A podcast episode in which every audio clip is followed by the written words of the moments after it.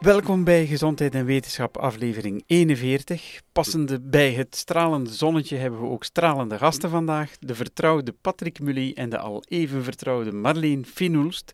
En ook vandaag hebben ze het over opmerkelijke uh, gezondheidsfeitjes. De opmerkelijkste van het moment, of moet ik zeggen van het seizoen.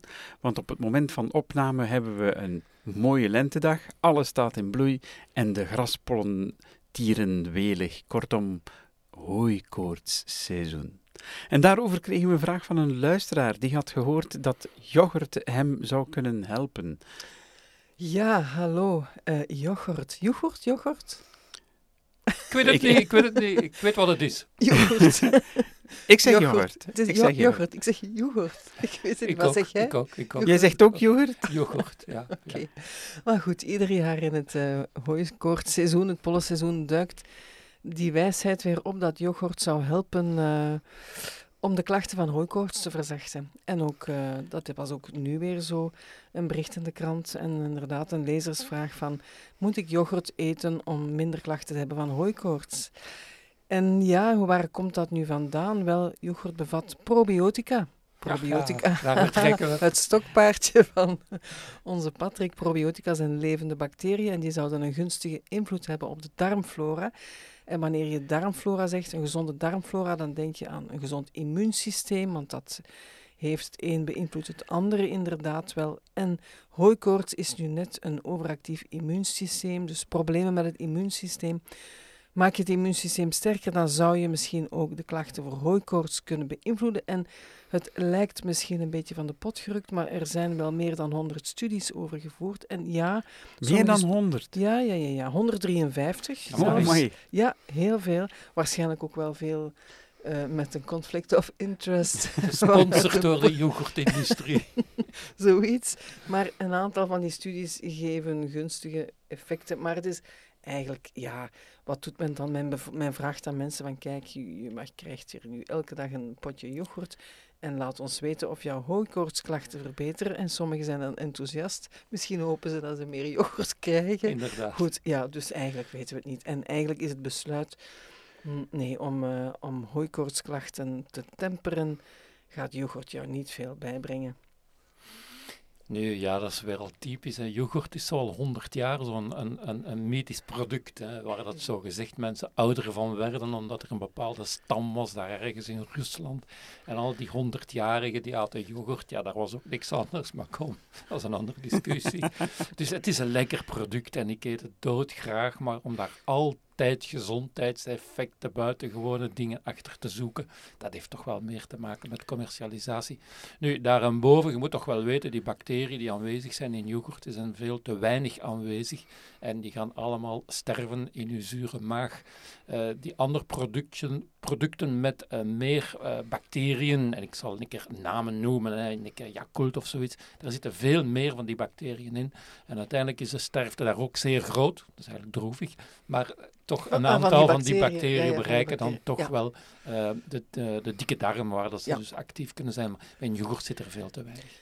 In, in trouwens, in al die, die studies, die meer dan 100 studies over yoghurt en hooikoorts, heeft men, uh, was het niet duidelijk of men gewoon probiotica gegeven ja. heeft in uh, capsules of dat die mensen echt yoghurt gegeten hebben.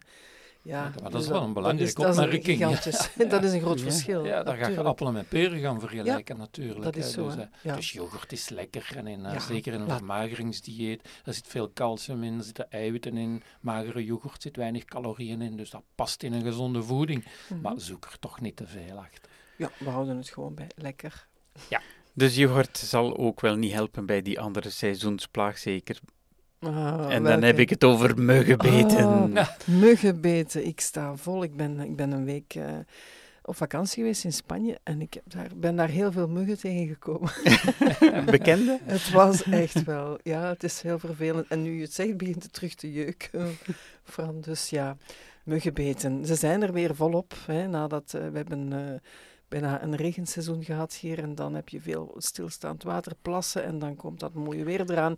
En dan gaan die muggen massaal eitjes leggen. En wat hebben ze daarvoor nodig? Mensenbloed, Dus die, muggetje, die muggenvrouwtjes gaan op zoek naar uh, mensen en uh, naar, naar warmbloedigen eigenlijk. En voilà, zo krijgen we natuurlijk veel muggenbeten. De, de vrouwtjes? Zijn het alleen de vrouwtjes? Het zijn alleen de vrouwtjes die, ja, ja. die steken. Ja, ja, ja. Gemene. Ja, de mannetjes zijn heel vriendelijk. Die zoomen rond, vriendelijk, lief, zachtaardig. En de vrouwtjes die doen pijn. Bij de, bij de muggen is dat. Bij de muggen. Maar wat doe je er tegen? Ja, wat is er nu wetenschappelijk bewezen om er iets tegen te doen? Oh, er zijn heel veel middeltjes die men promoot voor, uh, voor de, om de muggen weg te houden. Wat, wat werkt nu daarvan? Muggengaas, hè? een vliegeraam, zeggen wij. Ja. ja. Muggengaas. En dan uh, bedekkende kledij. Ja. ja, dus als je nu met een short en korte mouwtjes buiten gaat, ja. En zeker s'avonds, wanneer die muggen uh, actief zijn, dan dan riskeer je natuurlijk muggenbeten. En wat kan je gebruiken als repellent? Dat is als insectenweermiddel, dat is date, dat is efficiënt. Kan je bij de apotheker kopen. Maar dat is, dat is, dan zijn we eigenlijk uitgepraat. Hè. Daarnaast uh, zegt men knoflook, men zegt ja.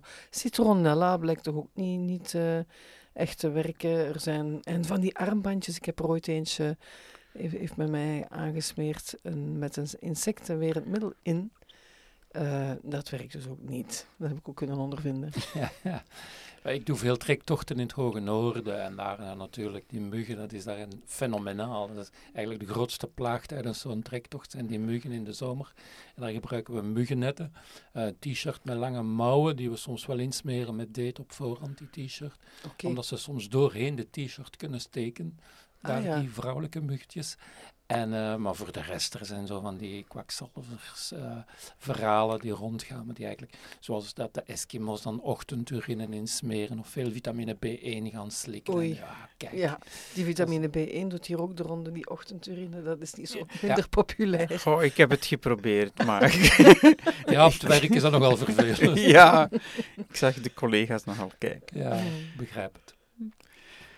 Een topic van alle seizoenen dan diëten.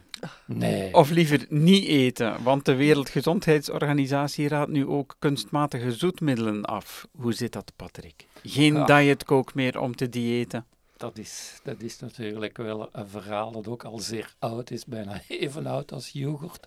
Dat is de kunstmatige zoetmiddelen en ik denk aan aspartaam in die frisdranken. Ook soms in, in yoghurt met fruit zit er ook aspartaam. Maar er zijn nog andere kunstmatige zoetmiddelen. Er is een heel gamma uiteindelijk, maar aspartaam is nu wel het bekendste.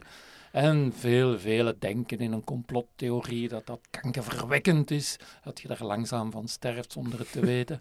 En uh, dat al die studies geblokkeerd worden door natuurlijk de industrie, die dat, die dat eigenlijk doet, puur uit winstbejag uiteraard. Nu, de Wereldgezondheidsorganisatie heeft toch wel gezorgd voor verwarring. En in welke zin? Wel, ze hebben een mooi dossier gepubliceerd en zoals steeds doet de Wereldgezondheidsorganisatie dat niet op 10 bladzijden, maar op 350, die ik dus gelezen heb, speciaal voor jullie. Dank je wel. Oh, ja, graag gedaan. Daar was jij gisteren. Ja, ja, ja, ik vond het heel leuk. Um, dus die, uh, heel die, die, ze hebben eigenlijk een overzicht gedaan van 45 interventiestudies en 64 waarnemende studies. En wat hebben ze gezien? Dat eigenlijk die kunstmatige zoetmiddelen niet beschermen tegen overgewicht, niet tegen suikerziekte, diabetes, niet tegen hartziekte. Uh, dus volgens en zijn die kunstmatige zoetstoffen totaal uh, nutteloos en eventueel zelfs soms in een aantal gevallen gevaarlijk. En dat is natuurlijk wel in de pers gekomen, want dat past perfect in die complottheorie van ziet een keer wat ons allemaal doen slikken en eten terwijl het zo schadelijk is. Maar als je dat rapport dan aandachtig leest, en ik denk dat veel journalisten dat dus niet gedaan hebben, want die 350 bladzijden zijn zeer lang, dan zie je toch wel een conflict in de resultaten. Dat wil zeggen dat de resultaten van interventiestudies niet dezelfde zijn als de resultaten van waarnemende studie.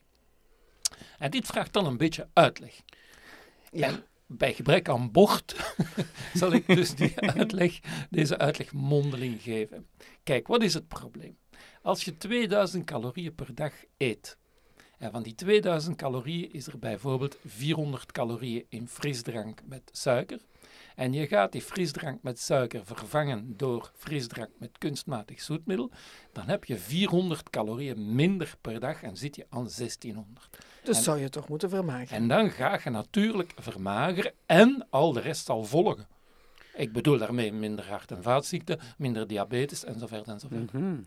Maar als je 2000 calorieën eet per dag en je voegt daar gewoon die frisdranken toe met kunstmatig zoetmiddel, dan gaat je natuurlijk niet vermageren. Je aantal calorieën blijft hetzelfde. En om te vermageren moet je nog altijd minder energie opnemen dan je lichaam verbruikt. Dat is dus niet het geval, dus gaat je geen effect hebben. En dat is juist het groot verschil tussen die interventiestudies, waar het aantal calorieën beperkt wordt, en die waarnemende studies, waar dat men vraagt aan mensen, tja, wat heb je gegeten? En twintig jaar later gaan we een keer kijken hoeveel hart, hartziekten zijn er en hoeveel suikerzieken zijn er. Dus je zegt nu als je, geen, uh, als je die suikerhoudende frisdranken vervangt door light of, of zero, dat je dan meer gaat eten. Want die 400 calorieën moeten Ja. toch van ergens komen. Inderdaad, wel, het probleem is natuurlijk dat te veel mensen dit gaan gebruiken omdat ze een drang hebben naar het zoet. En die drang naar het zoet, in een studie die ik zelf gedaan heb op een, een militaire populatie, die, hoe meer frisdranken met kunstmatige zoetmiddel dat iemand innam, hoe meer suiker dat hij consumeerde ook. Dus zoet doet zin krijgen in zoet. Het doet zin krijgen en uw tong blijft baden in een wereld van zoete smaken. Aha. En ik vergelijk het altijd een beetje met die, die obese vrouw die um, een, een, koffie neemt, een kop koffie neemt en daar een aspartaam in doet, kunstmatig zoetmiddel in doet, Mhm. maar het gebakje opeet. En daarnaast kun je dan iemand hebben die dan slanker is, dat gebakje niet opeet, maar wel een klontje suiker in de koffie doet. Mhm. Met andere woorden, het is geen wondermiddel. Die kunstmatige zoetmiddelen en al die voedingsmiddelen, die passen perfect binnen een vermageringsdieet van bijvoorbeeld 1600 calorieën, dat je echt die calorieën, het aantal calorieën per dag sluit, constant houdt. En dan kan je wel een keer iets extra gaan doen, maar zo wordt dat in de praktijk niet gebruikt. Ah. Dat wordt toch gewoon, gewoon bijgedronken en daar wordt niks gedaan aan de essentie. Dat is het aantal calorieën. Maar wordt er dan beweerd door die zoetstoffen dat je ervan vermagert? Nee, toch?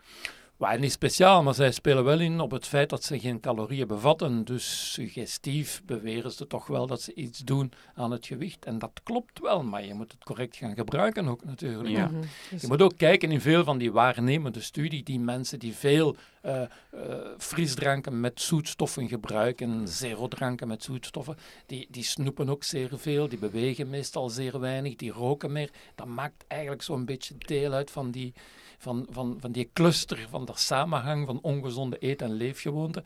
En je kan zomaar niet één element gaan uithalen, kunstmatig zoetmiddel, en dan conclusies gaan trekken. Ge- Ongezonde eet- en leefgewoonten, ja, dat weten we al lang, maar die moeten wij aanpakken. En niet één voedingsmiddel of één element. Mhm. Men zegt ook soms van die, die light en eh, zero frisdranken dat je daar trek, nog meer trek krijgt in zoet in vergelijking met als je water drinkt. Klopt dat eigenlijk? Ja, wel, kijk, eh, met mijn kinderen krijgen bijvoorbeeld in het weekend eh lightdranken. En dat is dan zeer gemakkelijk om dat in te voeren de zaterdagmorgen of de zaterdagmiddag. De maandagmorgen terug water drinken, dat is pijnlijk. Met Mhm. andere woorden, dat wordt aanzien zoet als een vorm van beloning. Dat is leuk. We hebben graag zoet. Hè. We moeten niet flauw daar rond doen. Maar die frisdranken gaan het eh, niet oplossen, het probleem van overgewicht en obesitas. Maar het is ook fout van te zeggen dat ze kankerverwekkend zijn, dat ze slecht zijn voor de gezondheid, dat ze gevaarlijk zijn. Dat is niet waar ook niet. Je moet het niet gaan zoeken waar het niet zit. Ja. Oké. En andere dingen weglaten, zoals koolhydraten.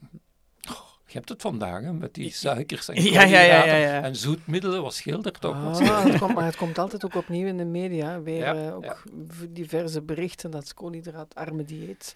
Lijkt Ja. me ook heel onaangenaam toch. Hè? Je wordt daar toch chagrijnig van als ja, je te weinig koolhydraten eet. Nee? Ik, ik ik heb dat toch. Ik heb, ik heb zelfs gelezen dat er een verhoogd risico op vroegtijdig overlijden door hart- en vaatziekten zou kunnen van komen. Ja, Of kanker. Of is dat te kort door de bocht? Ehm, wel, het is iets complexer natuurlijk. Hè. Wat, wat zit er eigenlijk in onze voeding? Daar zitten koolhydraten in, daar zitten eiwitten, daar zitten vetten en soms ook alcohol levert ook energie. Dat zijn de vier elementen die energie eh, leveren. En wat zegt eh, het eh, gezond leven, het Vlaams agentschap Gezond Leven? Die zeggen, wel, je moet ongeveer 55% van je calorieën in koolhydraten nemen en 30% in vetten en dan de rest een 15% als eiwitten. Dus dat is geen extreem dieet. Dat is een beetje van alles en van niks te veel, uiteraard. Nu, die koolhydraatarme diëten, vermageringsdiëten hoofdzakelijk, die hebben zeer veel succes, omdat die commercieel magnifiek resultaat geven in het begin. Je moet weten dat koolhydraten die binden veel water in je lichaam en als je minder koolhydraten gaat eten, of bijna geen, zoals in het ketogeen dieet heb je bijna geen koolhydraten, dan ga je ook veel water verliezen. En dat is natuurlijk doodleuk op de weegschaal. Ja, ja, Moest je dan gaan kijken naar het vetgehalte, dan ga je zien dat er geen enkel verschil is tussen een koolhydraatarm dieet en een vetarm dieet. Vetarm, dat doorgaans meer door diëtisten gegeven worden, en koolhydraatarm, dat meer eigenlijk door die godo's, eh, bekende Vlamingen, gepromoot wordt.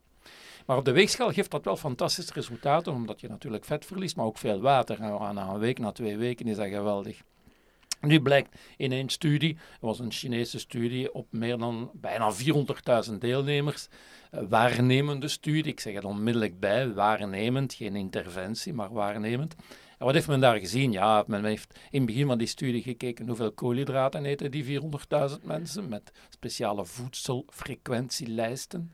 Men, gaat daar gewoon vragen, eh, niet wat dat eet, maar hoe frequent dat je iets eet. En dan zag men dat die mensen met weinig koolhydraten, wel, die hadden meer hart- en vaatziekten, meer kanker, die leefden minder lang en zo verder en zo verder en zo verder. Nu, alleen, je moet toch ook wel uh, rekening houden met het feit dat die, die mensen werden 20, 25 jaar lang gevolgd. De voeding werd eenmaal geregistreerd aan de start van de studie. Je eet toch niet altijd hetzelfde? Ja, verdorie, ik denk dat ik volledig anders eet dan 20, 25 jaar uh, geleden. Mm. Ik was toen stukken jonger, zoals iedereen waarschijnlijk. Ik dronk waarschijnlijk ook meer alcohol en zo verder en zo verder. Dus ja, natuurlijk beïnvloedt dat toch wel uh, uw, uw leven, beïnvloedt uw eet- en leefgewoonten. En uh, dus slechts eenmaal registratie van de voeding. Uh, anderzijds, ja, die mensen die weinig koolhydraten namen, dat waren ook mensen met overgewicht, obesitas, die al jaren sukkelden met overgewicht en obesitas, die minder sporten, meer rookten. En het is weer al dezelfde Het is altijd hetzelfde. Het is altijd hetzelfde. En je moet ook weten, ja, kijk, koolhydraatarme diëten, daar wordt nu fenomenaal op geschoten. Mensen volgen dat toch maar drie, vier maanden op 80 jaar. Dat gaat uw, uw levensverwachting niet gaan beïnvloeden. Jij kunt dat geen 10, 15 jaar gaan volgen. Een voeding zonder brood, zonder rijst, zonder deegwaren, zonder aardappelen. Dat is een voeding rijk aan vetten en eiwitten. Dat is duur en dat zal natuurlijk uw, uw bloedcholesterol doen stijgen. Wat we destijds gezien hebben met het Montignac-dieet, dat was zo'n koolhydraatarm dieet. En dan zag je dat die mensen toch een verhoogde cholesterol hadden. Dat wil niet zeggen dat je automatisch een infarct gaat krijgen, maar je risico op een mogelijk infarct zal stijgen. Oh, geef mij maar een boterham met choco's. Wel, als het past binnen de calorieën, het aantal dat calorieën dat je neemt per dag, ga je zeer goed afvallen met een boterham met choco. Uh, s morgens, dus Yes. dat is uh, eigenlijk praktisch gezien geen enkel probleem. Mhm. Nu dat we het toch over gewicht hebben, ik erger mij ook zo'n beetje aan het fenomeen van de gezonde obese. Dat wordt nu ook gepromoot van sommige mensen met obesitas zijn gezond. Ja, ik zeg altijd, sommige rokers zijn ook gezond hè, voordat ze longkanker krijgen. Dus dat is zoiets van, uh, iedereen is gezond voordat hij ziek valt. Het gaat eigenlijk meer om het risico op diabetes dat stijgt, Ja. op hart- en vaatziekten, Het op is een kanker. risico, juist. Ja. Ja, inderdaad. En dat is het probleem van preventie. Hè. En preventie doe je bij mensen die eigenlijk nog gezond zijn, maar je licht ze wel in over bepaalde gedragingen die ze hebben, en dat ze best beperken om hun, hun gezondheid te behouden. En eh, vandaar dat uh, metabool gezonde obesitas, ik heb er toch wel serieuze vraagtekens bij. Ah, hij is weer op dreef. onze Ja. Ja, Ja. ja, maar wacht even, bij het volgende zal die waarschijnlijk niet meer zo op dreef zijn. Kan. Want we zijn nu bezig met indrukwekkende resultaten in studies of net niet, maar het farmaceutische bedrijf Eli Lilly die hoopte net op heel straffe resultaten met hun nieuwe Alzheimer-medicijn. Zijn ze daarin geslaagd? Aha, ze hebben inderdaad een nieuw eh, medicijn klaar voor de ziekte van Alzheimer. En het is het derde, de derde grote doorbraak in twee jaar. Zogenaamd, tussen aanhalingstekens, grote doorbraak. En die, die drie medicijnen die heten, luister goed, aducanumab, lecanemab, donima, donanimab. Dus je hoort, dat zijn allemaal eigenlijk min of meer verwante moleculen, dezelfde klasse. En wat doen die moleculen? Die verminderen de grijze neerslag in de hersenen die we zien en de amyloïdplakjes, grijs-witte neerslag in hersenen van mensen met Alzheimer. En ja, daar, ehm, daar zijn heel, daar, wat heeft men gezien? Dat de vermindering van die neerslag leidt tot een lichte eh, verbetering van hersenfuncties, cognitieve, dus de cognitieve achteruitgang, het, het wegdeemsteren, het, eh, het achteruitgaan van, van de cognitieve functies, geheugen, concentratie. Dat wordt Eh, bij- vertraagd? ja, dat wordt een heel klein beetje afgeremd, maar hoeveel, dat is nu de vraag. Bij aducanumab was dat eigenlijk bijna niets. Dus dat, dat is ook niet goedgekeurd, dat medicijn, hier in Europa. Dan uh, lecanemab, dat is wel goedgekeurd ondertussen en dat geeft een, een verbetering, een verminderde achteruitgang van 27 procent. Nu, ik heb er al commentaren op gelezen, ook vanuit de vereniging, de Alzheimer Stichting. De patiënten die zeggen van eigenlijk is dat niet merkbaar, dat verschil. 27% verbetering, verminderde achteruitgang voor die Alzheimer-patiënten, die familie, merkt daar niet echt iets van. En dan nu komt er een derde, Donanimab, van Eli Lilly. En dat heeft 29% achteruitgang. Vermindering van de achteruitgang. Dus de, de, achteruitgang bij ziekte van Alzheimer, van de hersenfuncties, vertraagt een heel klein beetje. Dit is 2% beter dan het vorige. We verwachten dan dat het ook zal worden goedgekeurd door Europa. Het is nog niet op de markt, maar je moet het dus. Um, je begint nemen in een, echt helemaal in het begin van de ziekte van Alzheimer, anders heeft het geen effect. Het zal ongetwijfeld een duur medicijn zijn. Het zal een heel, heel beperkte verbetering geven. Dus ja, genezen doe je er niet van. Het gaat de ziekte een heel klein beetje af. Ja, heel belangrijk, inderdaad. 10% van die mensen krijgt hersenbloedingen. Oh en bij, in de studie, de studie die Ila gedaan heeft, is er ook een, een persoon die uh, het, de actieve moleculen kreeg, uh, die overleden is aan die hersenbloedingen. Twee. Twee zijn er overleden in de studie. Dus dat is ook nog, dus daar zijn we ook nog niet uit. Dus ik vind, het is zeker geen grote doorbraak, laten we daarmee daarmee afronden, dat is eigenlijk, ja, dat is jammer hè, dat dan mensen worden weer op een verkeerd been gezet, maar helaas. Ja, ja, van de andere kant is het belangrijk dat het onderzoek blijft, ja, ondanks... Uh, het, is, het, is, het, is, het, is, het, is, het is een enorm gezondheidsprobleem. Ja. Uh, het komt frequent voor. Ik hoop dat die farmaceutische bedrijven toch blijven investeren in iets dat nu toch niet zo winstgevend is natuurlijk. En daar draait het dikwijls rond. Ja. Dus uh, het is toch belangrijk dat we blijven zoeken, zoeken, zoeken, zoeken. En dat doen ze wel. Hè. Ze zitten echt op die, in die map uh, adicanumab, lecanemab, de donanimab, die, die antistoffen, die, ja, we zullen zien. Maar hopelijk komt daar, er is een verbetering, hè. Dus ja. is het derde molecule en het is een lichte verbetering, dus ja, wie weet zitten we wel op een goed spoor. Laten we duimen. Ja. Gelukkig komt er af en toe wel goed nieuws uit farmaceutische hoek. Er zou een beloftevol vaccin komen tegen RSV. Ja. Wat is dat eigenlijk, RSV? RSV, dat is een virus. Hè een virus. En uh, RSV staat voor respiratoire syncytiaal virus. Virus dat we, dat we binnenkrijgen, inademen via uh, dat uh, besmettelijk is. En kinderen krijgen dat massaal, RSV-infecties. en tegen de leeftijd van twee jaar hebben ze dat ongeveer allemaal gehad.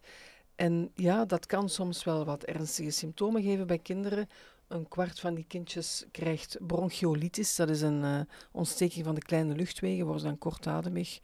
En uh, ja, het is toch wel, wel even pittig. En 1 tot 3 procent van die kindjes belandt ook in het ziekenhuis. Dus laten we zeggen, RSV-infectie bij kinderen is een ernstige infectie. Um, en wat heeft men nu ontwikkeld in, in, uh, in Utrecht? Um, men heeft daar een, een, vaccin ontwikkeld, een RSV-vaccin. En dat vaccin dat, uh, dat moet toegediend worden in, aan zwangere vrouwen in de derde zwangerschapstrimester. Het is volkomen veilig. Het is ook al uitgetest bij zwangere vrouwen. Het is een doodvaccin. Dat, kan, dat is uh, een, een veilig vaccin voor zwangere vrouwen.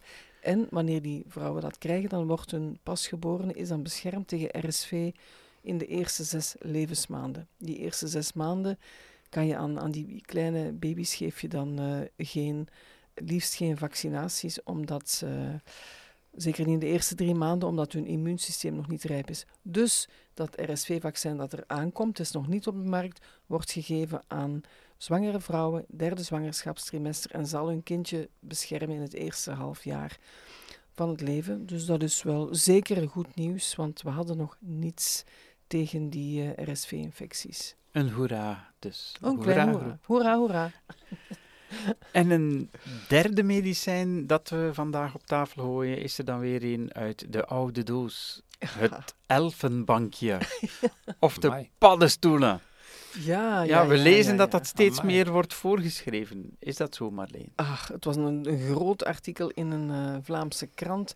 Die zei van, uh, waar men zei, de titel was Oncologen schrijven steeds meer medicinale paddenstoelen voor bij, aan kankerpatiënten.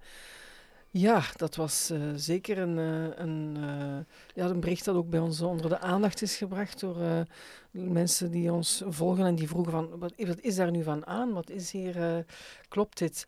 Wel, dat werd geponeerd door ene zeker Peter van Ineveld en dat is een natuurgeneeskundig therapeut. Ja, ja, ja. Dat, is geen, nee. ja, dat is geen erkend diploma. Dat is iemand die zich verdiept heeft in paddenstoelen, een boek heeft over medicinale paddenstoelen en dat ook daar zeer enthousiast over is. Maar ik moet wel zeggen, wij gaan kijken op zijn website. Hij zegt wel, uh, je kan dat enkel gebruiken als aanvulling naast de reguliere kankertherapie. En ik dacht, goed zo Peter, goed, dat is belangrijk. Dus ga dat zeker niet vervangen.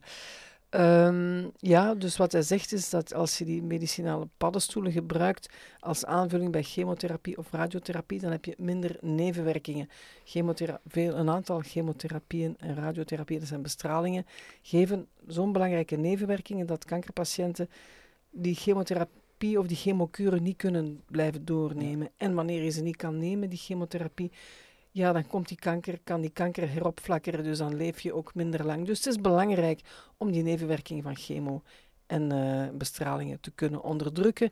Wat doen die paddenstoelen daaraan? Wel, dat elfenbankje komt er dan weer op. En dat elfenbankje is een van de paddenstoelen die um, veel onderzocht werden. Er zijn heel wat studies over gebeurd. Ken jullie dat, elfenbankjes? Nee, helemaal Ja, ik vind dat een hele mooie paddenstoel. ja. Dat zit zo op boomstronken. Ja, ja. langs de zijkant en in, in etages. Etages, zo'n waaiervormige, ja, mooi hè. Mooie, dat zijn elfenbankjes. Niet zelf van gaan... Uh, niet zelf gaan aan prutsen. Maar in die elfenbankjes zit een, een stof. En die stof uh, ja, heeft kerstin. In, dus kerstin is het. In de krant stond kerstin, dus ik heb echt zitten zoeken van ja. kerstin, kerstin. Het was een tikfout in de krant, het stond er maar één keer in. Ja. Het gaat dus over kerstin. Niet over kerstin, maar over kerstin. En er is een, zelfs een grote uh, overzichtsstudie door Cochrane gebeurd. Uh, men heeft dat, uh, dat medicine, dat supplement op basis van die elfenbankjes getest bij darmkankerpatiënten die chemo kregen of die bestraald werden. En men heeft gezien, ja, als men al die studies samenneemt, dat er een heel lichte, heel lichte, lichte verbetering is van de vijf jaar overleving. Nu, een verbetering, dat ging dan over 1,08. Ja. Dat is niet veel, hè? Nee. Patrick, ik heb dat eens uitgerekend. Vijf jaar, op vijf jaar uh, betekent dat minder dan 100 dagen langer leven als je dat product neemt. Ja, dus dat is eigenlijk, ja... Je kan, ja, je, men zegt dus het is een gunstig effect, ja, maar ja, dat is een zeer, zeer, zeer, zeer beperkt gunstig effect. Er zijn nog andere medicinale paddenstoelen uh, onderzocht, ook bij kanker, als aanvulling bij kankertherapieën, maar daar vindt men eigenlijk niet echt op dit moment een bewijs dat dat echt wel nuttig is in het onderdrukken van nevenwerkingen. En ja, dus wat ik niet geloof, en dat is natuurlijk moeilijk te checken, dat ineens meer oncologen uh, die aanvullende of die paddenstoelen voorschrijven als aanvullende therapie. Je kan dat trouwens niet voorschrijven.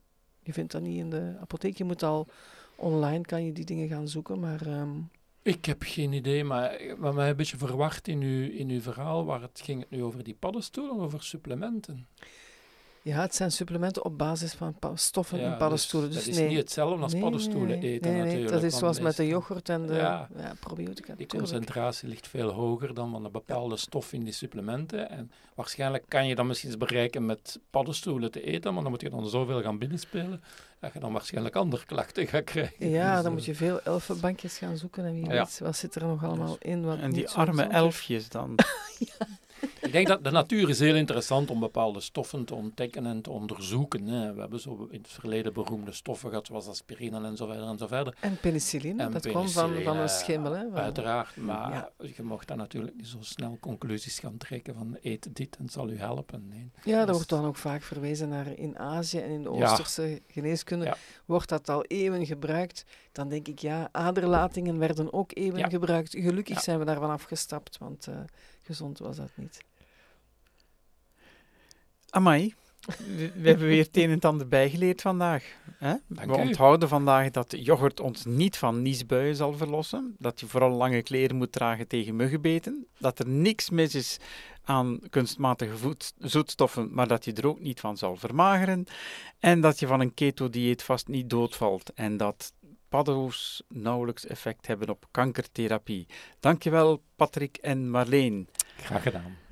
Wil je regelmatig dergelijke wetenschappelijke gezondheidsnieuwtjes in je mailbox? Haast je dan naar gezondheid-en-wetenschap.be en schrijf je erin op de nieuwsbrief. Bedankt voor het luisteren en tot de volgende aflevering. Dag. Dag.